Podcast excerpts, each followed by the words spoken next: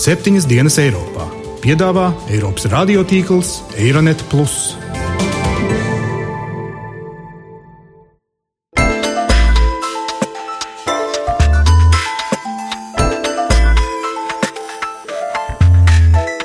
Šonadēļ septiņas dienas Eiropā dzirdēsim. Šobrīd mēs esam vienā citā realitātē. Right Esmu domājusi par Eiropas Savienības ārpolitikas un drošības politikas globālo stratēģiju.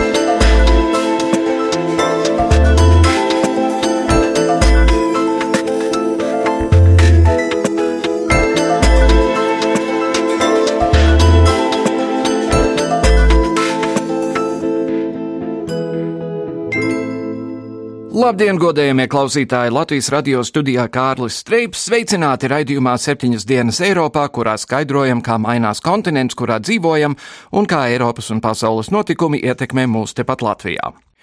Kā vēsta vācu ziņu portāls Spiegel Online, Ceļš uz rietumu vai ziemeļa Eiropu caur Balkāniem nu slēgts. Bēgļi no Grieķijas tagad tiek sūtīti atpakaļ uz Turciju, un arvien vairāk bēgļu un patvērumu meklētāji atkal izvēlas bīstamāko un garāko ceļu caur Lībiju uz Itāliju. Diemžēl šajā maršrutā ir atkal pirmie bojā gājušie. Vairākas dienas izplatījās pretrunīga informācija par iespējams lielu bēgļu katastrofu vidusjūrā, Līdz ANO bēgļu aģentūra beidzot apliecināja acu liecinieku teikto, tiešām starp Lībiju un Itāliju kāda laiva vai kuģis nogrimis, uz tā klāja atradušies līdz pat 500 cilvēkiem 41, paspēja izglābt garām braucošs preču kuģis, pārējie visticamāk noslīga.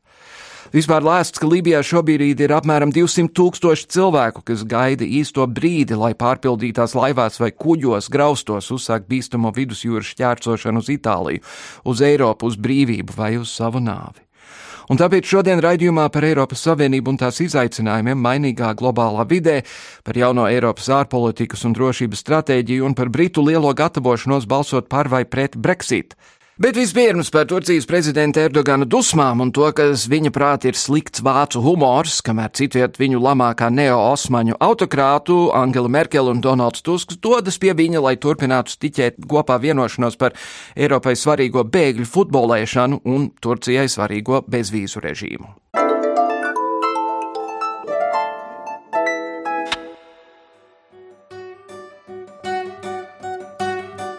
Eiropas Savienības un Turcijas panāktā vienošanās paredz pirmam kārtam no Eiropas atgriezt neatbilstīgos migrantus apmaiņā pret Turcijā esošiem sīriešu bēgļiem.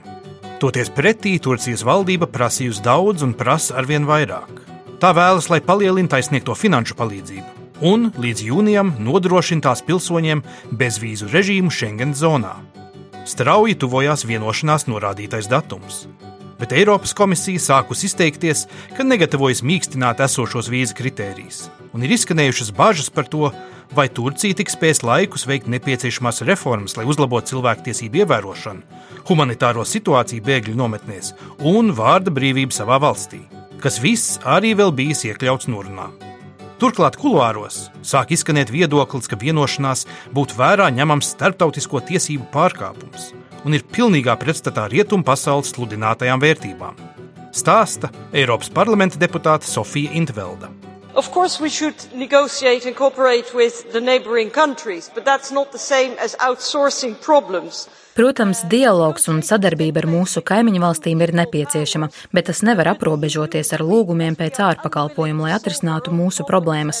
Vienošanos var panākt starp divām samērojamām varām, toties pat laban Eiropas Savienība ir vāja un Turcija to saprot. Mums vajadzēja mācīties no agrākās pieredzes, kā piemēram 2010. gadā neveiksmīgi veicot pārunas ar Gadāfī par bēgļu plūsmas ierobežošanu. Esam dzirdējuši stāstus par bēgļiem, kurus sūta atpakaļ uz Sīriju. Tomēr tomēr ne Eiropas padomē, ne dalību valstīm ir kāds risinājums tam. Es uzskatu, ka tā ir traģēdija, ka pats bagātākais un brīvākais kontinents uz pasaules nespēja reaģēt uz notiekošo. Mēs vienmēr pieminam savas vērtības un to, ka migrantiem šīs vērtības jāievēro. Mums pašiem jāievēro mūsu vērtības un jānodrošina bēgļiem labākus apstākļus and how immigrants need to embrace our own values. Well, let's uphold our own values. Lai arī bēgļu apmaiņa līdz šim noritējusi veiksmīgi, Gala lēmumu pa vienošanos pieņem Eiropas parlaments un dalību valstis, un dažas valstis, kā piemēram Ungārija, nebaidīsies izmantot veto tiesības, lai noraidītu priekšlikumus par labu bēgļu pieņemšanai. pirms visas šīs nesaskaņas var pāraukt kontinenta mēroga krīzē, piekdien uz Turciju devās Angela Merkele, Eiropas padomas prezidents Donalds Tusks un Eiropas komisijas viceprezidents Timermans. Papildus starptautiskai kritikai, iekšējiem strīdiem un laika trūkumam, pēdējais šķērslis konstruktīvam dialogam būs Turcijas prezidenta Erdogana stūrgalvība. Iepratīm ilgstošai kritikai par vārda brīvības ierobežošanu, humora izjūtas neapveltītais līderis vai par bosu no Bosforas dēvētais uzsācis tiesu darbus pret vācu satīriķi, kurš Vācijas televīzijā uzdrīkstējies veltīt viņam nepārāk glaimojošu dzējoli. Bijušais ārlietu ministrs un ārpolitikas eksperts Jānis Jurkāns uzskata, ka valdībai jau tagad būtu jāsāk rēķināt, cik Latvijai varētu izmaksāt Lielbritānijas iespējamā izstāšanās no Eiropas Savienības. Vairāk par gatavošanos referendumam, ko Britu premjerministrs Kamerons un citi politiķi nodevējuši par šīs paudzes svarīgāko lēmumu, manas kolēģis Ievas Valēnis sižetā.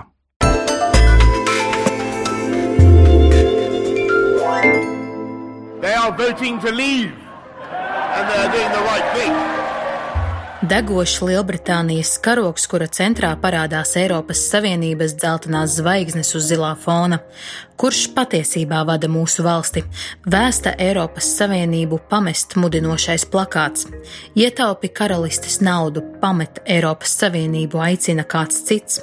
I'm in, jeb es esmu iekšā paziņo plakāts, kas aicina palikt. Referendumu par izstāšanos no Eiropas Savienības, ko tautā dēvē par Brexit, Britiem pirms parlamenta vēlēšanām uzvaras gadījumā piesolīja Deivids Kamerons. Referendums strauji tuvojas jau pēc nepilniem diviem mēnešiem līgo dienā karalistes iedzīvotājiem būs jādodas pie urnām un jāizšķir Lielbritānijas un iespējams visa kontinenta nākotne. Pats Kamerons gan kopš vēlēšanām paspējis apmest kažoku uz otru pusi, vienojas ar Eiropas Savienību par kompromisu. Lielbritānijai piešķirts īpašs stāvoklis Savienībā, tai dotas tiesības iebilst pret Eirozonas finanšu lēmumiem, kādu nav citām valstīm, kuras nav pievienojušās Eiro saimē, un, protams, izslavētie pabalstu ierobežojumi viestrādniekiem. Tagad Kamerons atbalsta palikšanu Eiropas Savienībā un uzsver, ka Savienības pamešana būtu slikta gan Britu ekonomikai kopumā, gan katrai maisaimniecībai atsevišķi. Because I think out there a lot of people want to know what are the facts, what are the arguments, and people also want to know what does the government think. Es domāju, ka ir daudz cilvēku, kur grib zināt faktus. Grib zināt, ko parlaments par to domā un kādi ir argumenti. Es negribu nevienu, kas iet pie vēlēšanu urnām un domāt no vienas puses, no otras puses. Es īsti nezinu, ko valdība par to domā, balsošu tā vai otrādi. Es gribu, lai visi saprot, cik spēcīga ir mūsu pārliecība, ka pareizā izvēle ir palikt.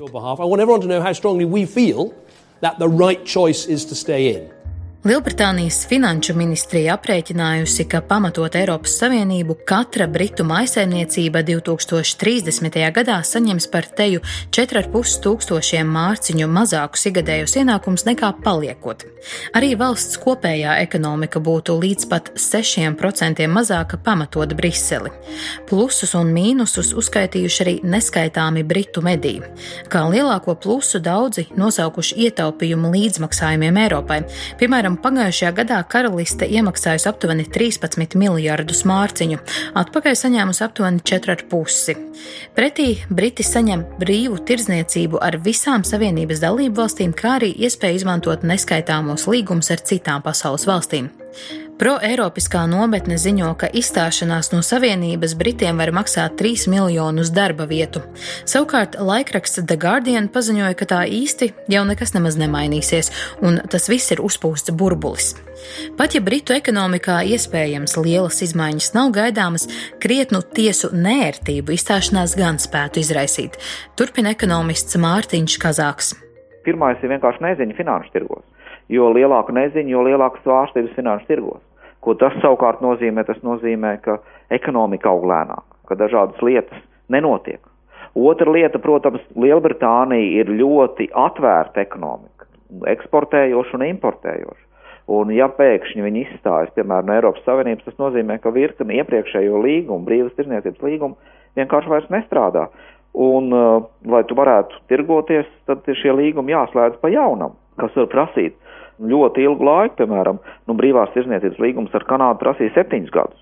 Nu, cerams, ka tas nebūs tik ilgi, jā, bet, teiksim, Lisabonas vienošanās pārskatīšana, nu, tur ir, nu, kaut kādi divi gadi jau visticamāk, ka būs. Un šo gadu laikā tirzniecība ir apgrūtināta, un tas arī bremzēs to ekonomiku. Turklāt jauno līgumu slēgšana pamatīgi nodarbinātu mūsu politiķus un citām lietām būtu mazāk laika, ko veltīt.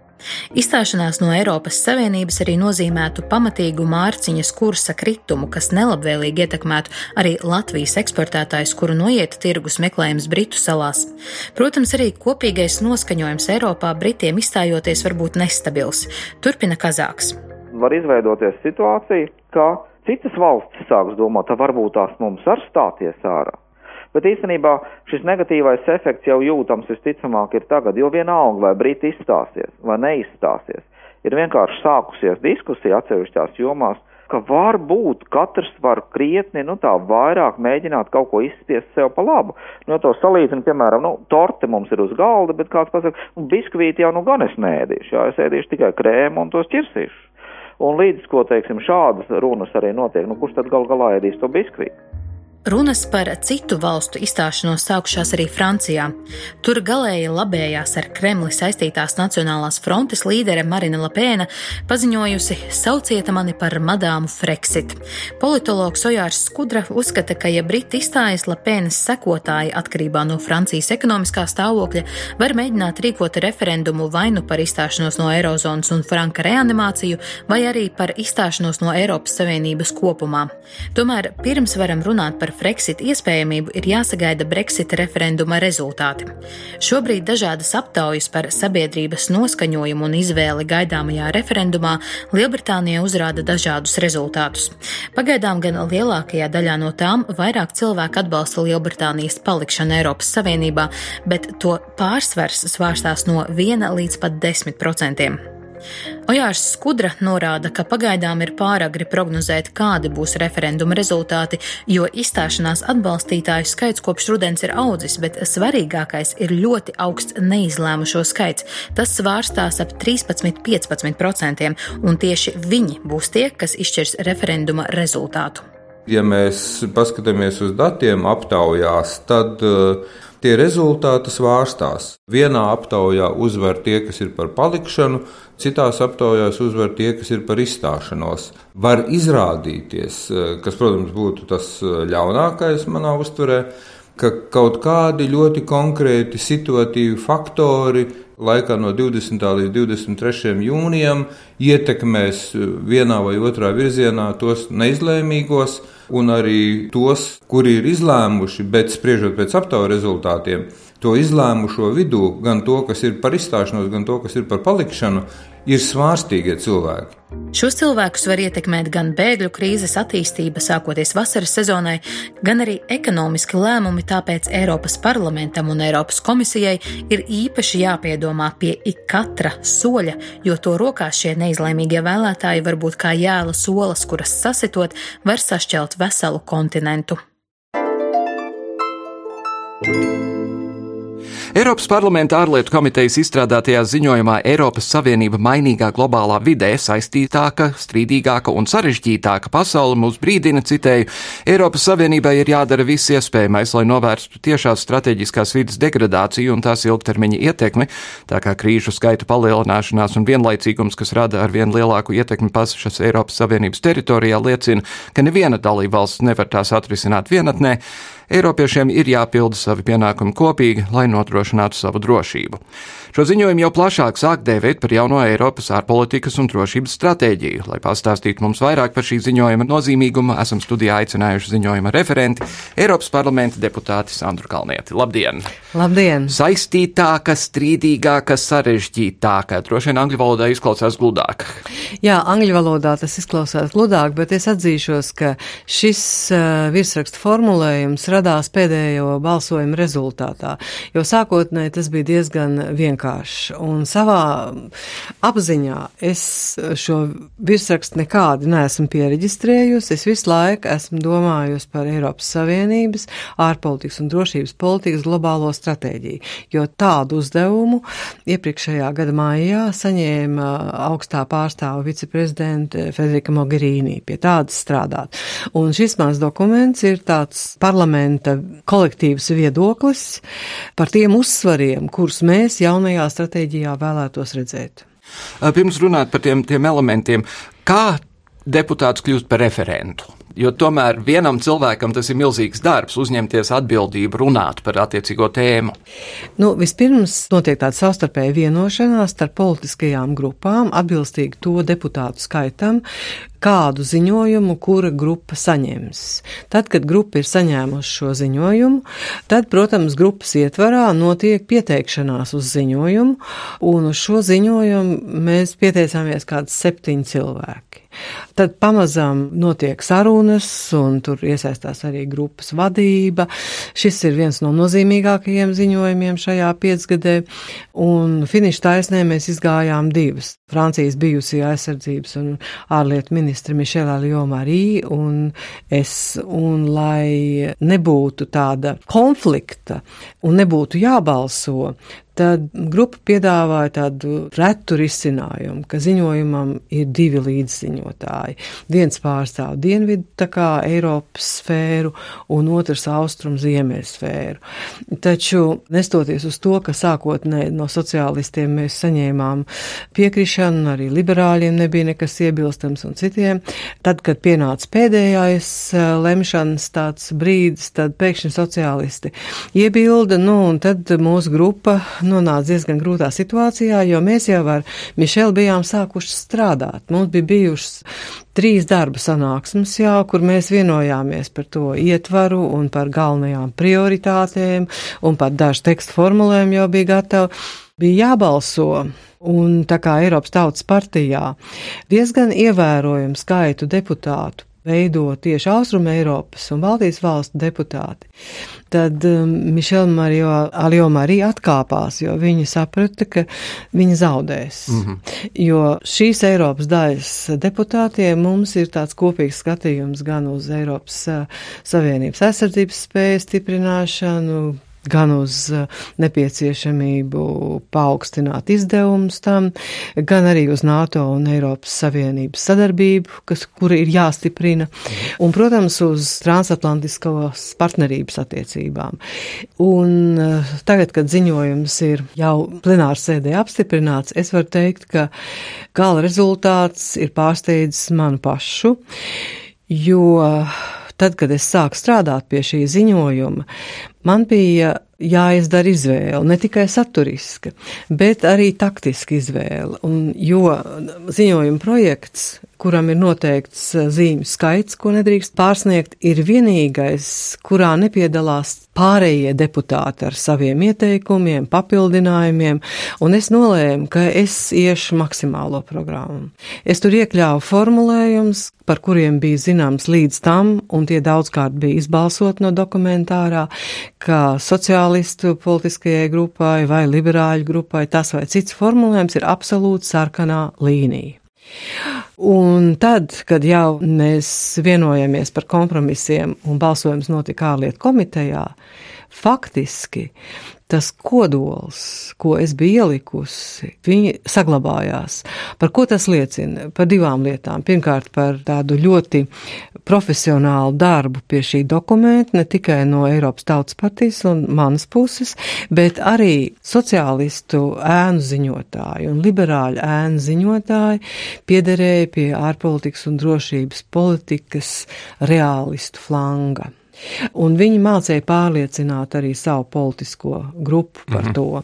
Un otrs, pēc 14. gada notikumiem Ukrainā ir notikusi attieksmes maiņa. Mēs vairs neesam tikai maigā vara, kas ar naudu visu dara.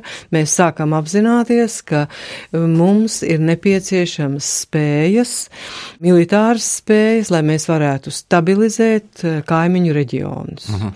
Un uh, lai mums būtu pavisam cita kapacitāte, jo Amerikas Savienoto valstu intereses arvien vairāk virzās Āzijas virzienā.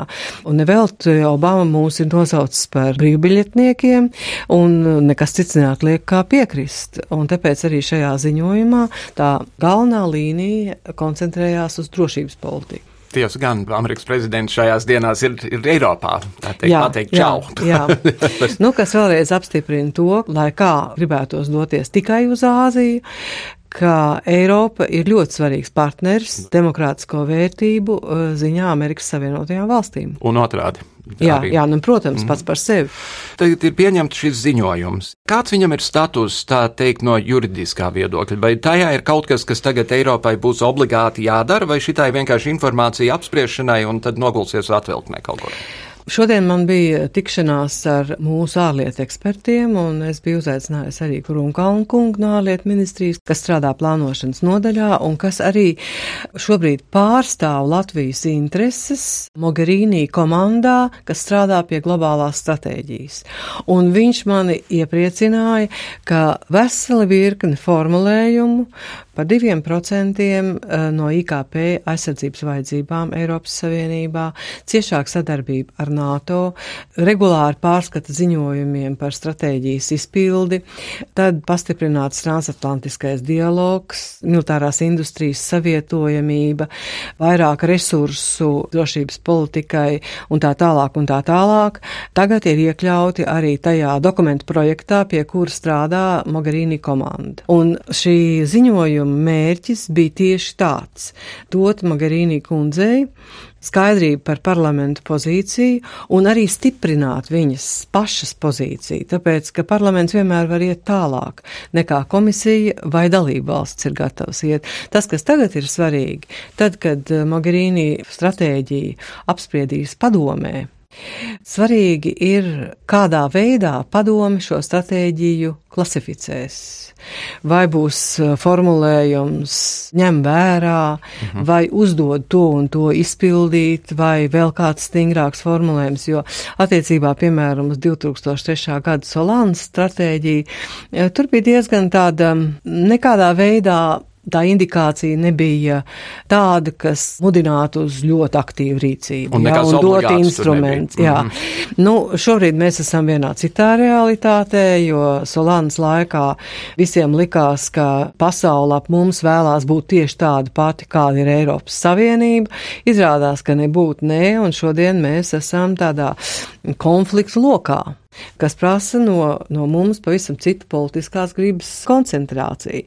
Un tas arī faktiski ir Eiropas Savienības lielākais izaicinājums, vai mēs spēsim šo politisko gribu un vienotību atrast, lai risinātu tos jautājumus, kas ir iezīmēti globālajā stratēģijā, kā mēs tiksim galā ar mūsu ārējās robežas kontroli, jo kopš komisijas priedāvājumu, kas, manuprāt, februārī parādījās, Nu, iekšliet ministru padomu tā arī nav šo dokumentu pieņēmusi, apstiprinājusi, un tur notiek diezgan ilgas diskusijas.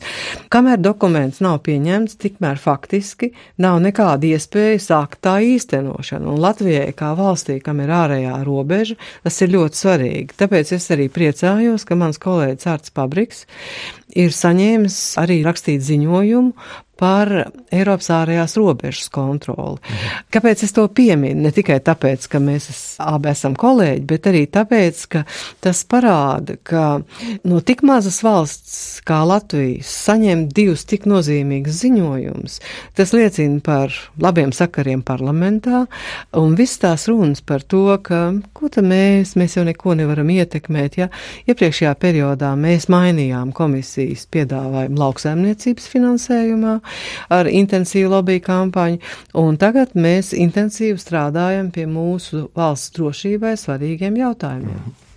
Ja runa ir konkrēti par Eiropas Savienību un NATO, vai Eiropas Savienībai ir ietvars caur kuru var attīstīt militāras attiecības ar NATO, kas tomēr ir militāra organizācija, un Eiropas Savienība nav militāra organizācija?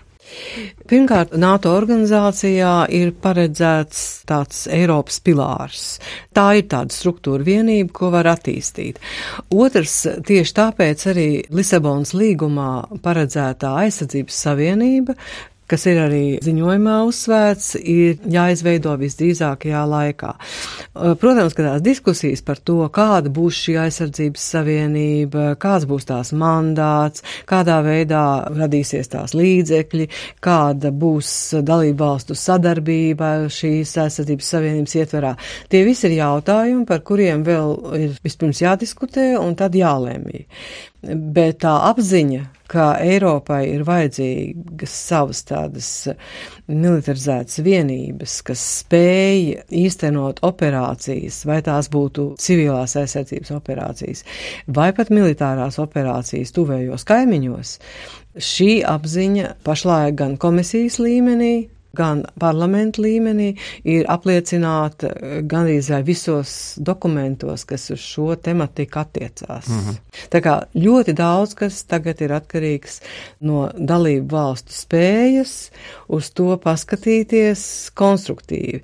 Viens no iemesliem, kas šobrīd, eh, protams, kavē šo dokumentu īstenošanas sākšanu, ir referendums Lielbritānijā, jo Lielbritānija šobrīd atrodas tādā ļoti kritiskā, es teiktu, sabiedrības apziņas stāvoklī, un savukārt mēs pārējās Eiropas Savienības valsts, mēs nevēlamies dot nekādu ieganstu eiroskeptiķiem, lai teikt, redziet, te ir vēl viens iejūks, kurā Lielbritānija grib ievilkt nekādu kopēju aizsardzības savienību, nekādu kopējo drošības politiku un tā tālāk.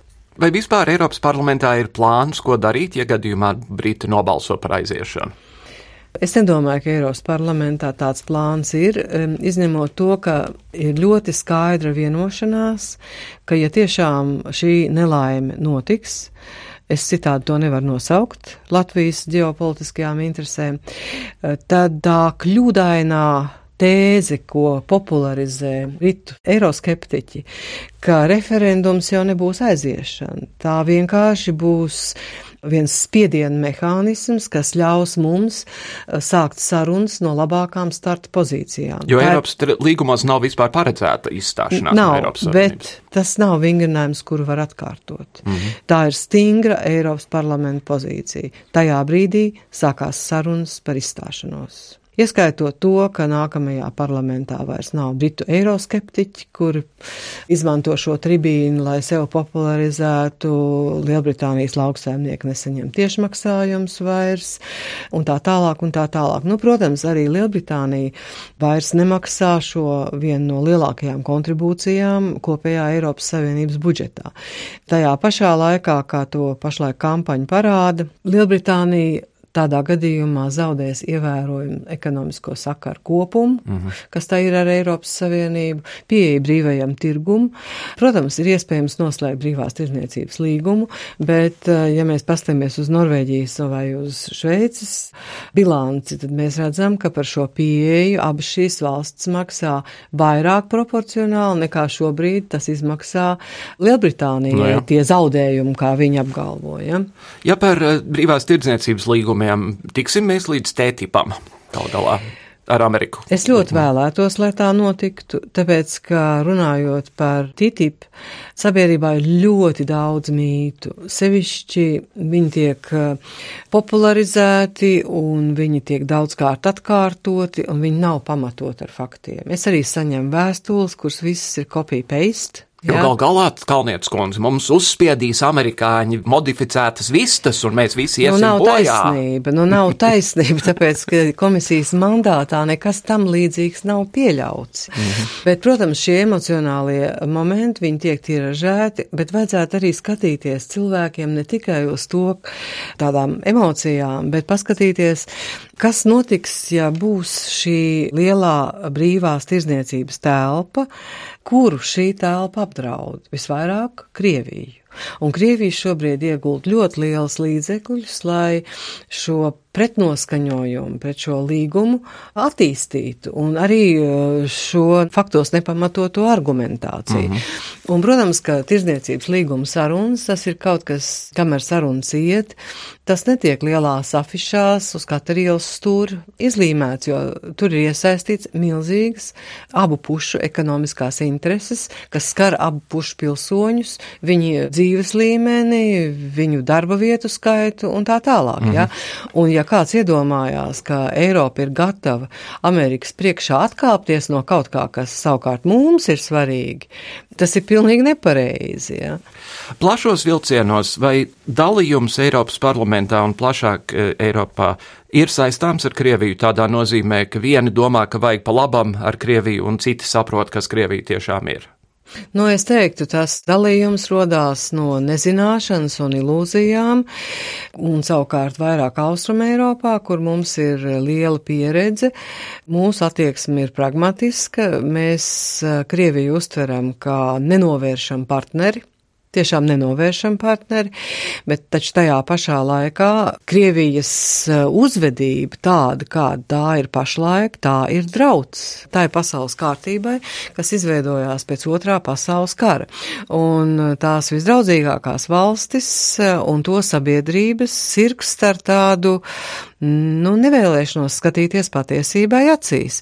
Viens no piemēriem, man liekas, kas ir ļoti tāds spilgts, kā Vācijā mainījās sabiedrības un politiskās elites attieksme pret Krieviju, un nevelti tautā ir teiciens maz cinītis lielu mezumu gāž, un viens no tādiem droši vien Krievijai pilnīgi neiedomājamiem faktoriem, kas ir ļoti ietekmējuši šobrīd pēdējos mēnešos Vācijas attieksmi, ir šis sacerētais stāsts par nabaga Krievu meiteni Lizu, kas ir piedzīvojusi vardarbību, jo tas tā kā pēkšņi noņēma tās rozā brilles vāciešiem, un šobrīd es esmu gandrīz pārliecināta, ka jūnijā nenotiks nekāda sankciju pārskatīšana, jo Vācijā ir beigušās ilūzijas, un interesanti, ka ne tikai starp kristīgajiem demokrātiem tā situācija ir eh, daudz tagad skaidrāka, bet pat sociālisti, kas pirms kāda laika vēl vicekanclers pat aizbrauc un tikās ar Putinu Maskavā, bija gatavi nošķirt ekonomiskās attiecības no politiskajām. Jautājums ir, kas notiks ar Nord, Stream 2, ar šo gāzes vadu, kas it kā ir privāta konsorcija un Gazprom sadarbības projekts Baltijas jūrā, un kura mērķis ir apiet Baltijas valstis, bet galvenokārt apiet Ukrainu. Šobrīd eh, no komisijas puses arī eh, tā attieksme pret Krieviju mainās. Un komisijas rīcībā tomēr ir virkne instrumentu, kā šādu projektu var aizkavēt un apturēt. Ja vēl pirms dažiem mēnešiem es būtu bijusi diezgan skeptiska, ka to izdarīs, šobrīd ir parādījusies kaut kāda cerība, jo, piemēram, enerģētikas komisārs Šefkovičs ir brīdinājis, ka lēmums vēl nav pieņemts un nopietni uzņēmumi savu kapitālu neieguldītu neskaidrā projektā situācijā, kad energoresursu cenas iet uz leju. Ja, tas, manuprāt, ir tāds ļoti skaidrs signāls, ko mm -hmm. viņš ir mhm. devis. Lai neteiktu brīdinājums. Jā, jā. Mēs varētu runāt vēl stundu, un divas, un trīs, un četras. Jā. Diemžēl man ir jāsaka paldies Sandrai Kalnietei par ļoti interesantu sarunu un, un veiksmi darbā. Paldies, cenšamies! Zviedru sakām vārds mums vēsta, ka labā grāmatā visinteresantāko var lasīt starp rindiņām. Mēs septiņas dienas Eiropā uzskatām, ka arī mēs atrodamies kaut kur starp rindiņām.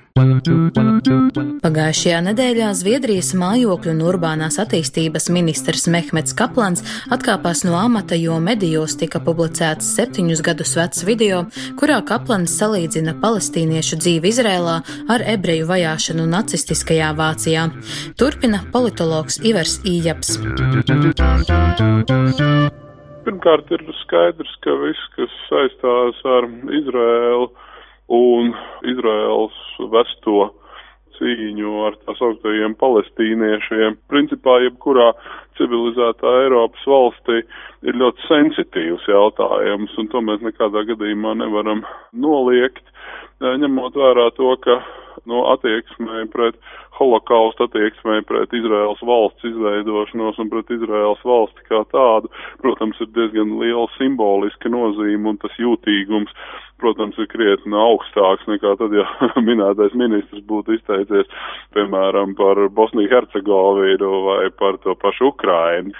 Savukārt, kas attiecas uz pašu atkāpšanās faktu, tad tas, protams, ir uh, higienas jautājums, uh, tāpēc, ka uh, mēs zinām, ka no nu, arī civilizētās sabiedrībās cilvēkiem ir pieņemts vismaz reizi dienā mazgāt zobus, piemēram, un iet dušā.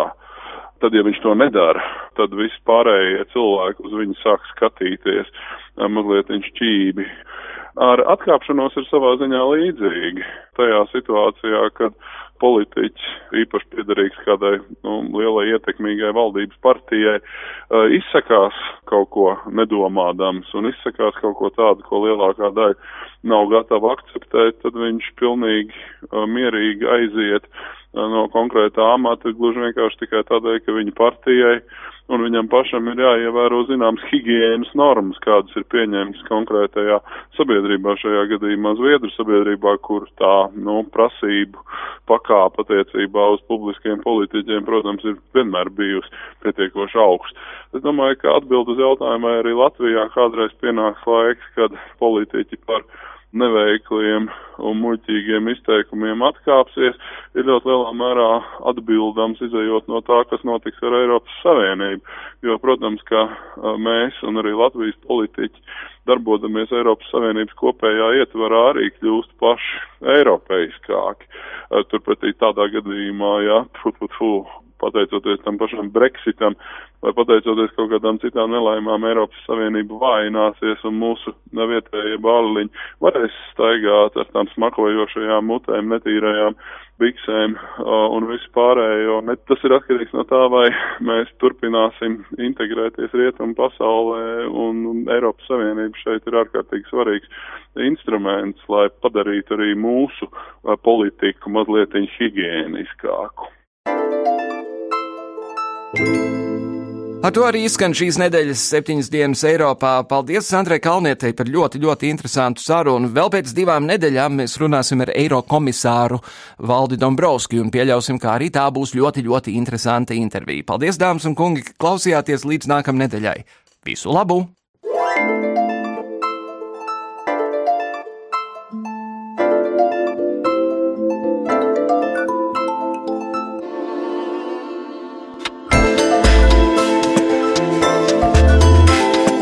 Raidījumu veido Kārlis Streips, Ieva Valēne un Jānis Krops.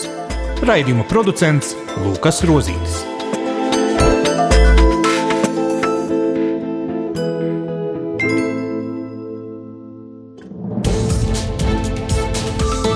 Visus Eironet plus sižetus un raidījumus meklējiet Latvijas radio mājaslapā.